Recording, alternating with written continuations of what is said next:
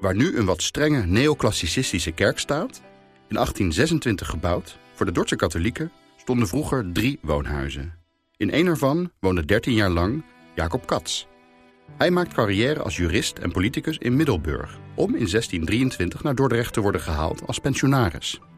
Dat is de belangrijkste adviseur en vertegenwoordiger van de stad. Niet verkeerd. Dordrecht is in de 17e eeuw weliswaar niet meer de grote en machtige stad die het ooit is geweest... maar toch nog altijd heel eerbiedwaardig. Met het eerste spreekrecht in de Staten van Holland. Katz is mooi ondergebracht in deze oude straat. De naam, Wijnstraat, verwijst naar de kurk waarop de Dordtse economie al eeuwenlang dreef. De Europese wijnhandel. Hier wonen in zijn tijd nog altijd de rijken. Wat is te zien aan de hoge gevels? Sommigen zijn van duur natuursteen, zoals die van twee panden naar rechts. Huis het Zeepaard. De gevel was eind 15e eeuw in zijn geheel, bewerkt en al, als een soort bouwpakket uit de steengroeves van Wallonië naar Dordrecht vervoerd. Hoe kan ik nou werken met al dat lawaai? Ik heb ze al drie keer gewaarschuwd, maar luisteren, oh maar. Ze gaan gewoon door met bikkelen. En vooral met schreeuwen. Hun schelle stemmen echoen tegen de voorname gevels van de Wijnstraat. Het zijn vaste kinderen van Van Beverwijk, een paar huizen verderop. Misschien kan hij naast de medische handgids ook eens een gids schrijven over het opvoeden van kinderen. Kinderen zijn hinderen. Hmm, klinkt goed. Ik doe even het raam dicht en kijk naar buiten de Wijnstraat in. Ik moet zeggen, de mooiste straat van de Republiek. Wat een weelde. Middelburg is ook mooi, maar dit.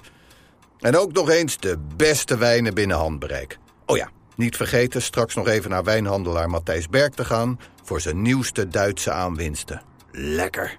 Dat ze me beloofd hadden dat ik in dit huis zou komen te wonen... heeft wel geholpen met mijn keuze om hier stadspensionaris te worden. Dat geef ik eerlijk toe. Want al is de leugen nog zo snel, de waarheid achterhaalt hem wel.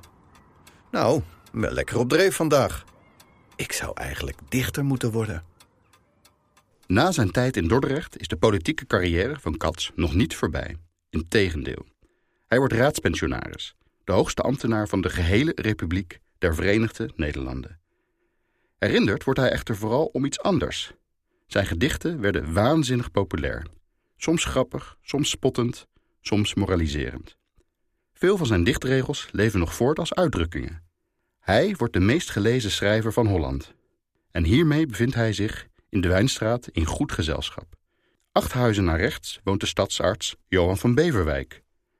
Zijn medische handboek was al net zo populair. Op aanraden van Katz niet in het Latijn, maar in het Nederlands geschreven.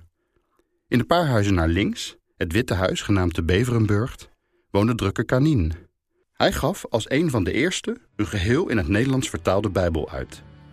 Bijbel, Beverwijk en Katz waren de drie meest gelezen boeken in de 17e eeuw.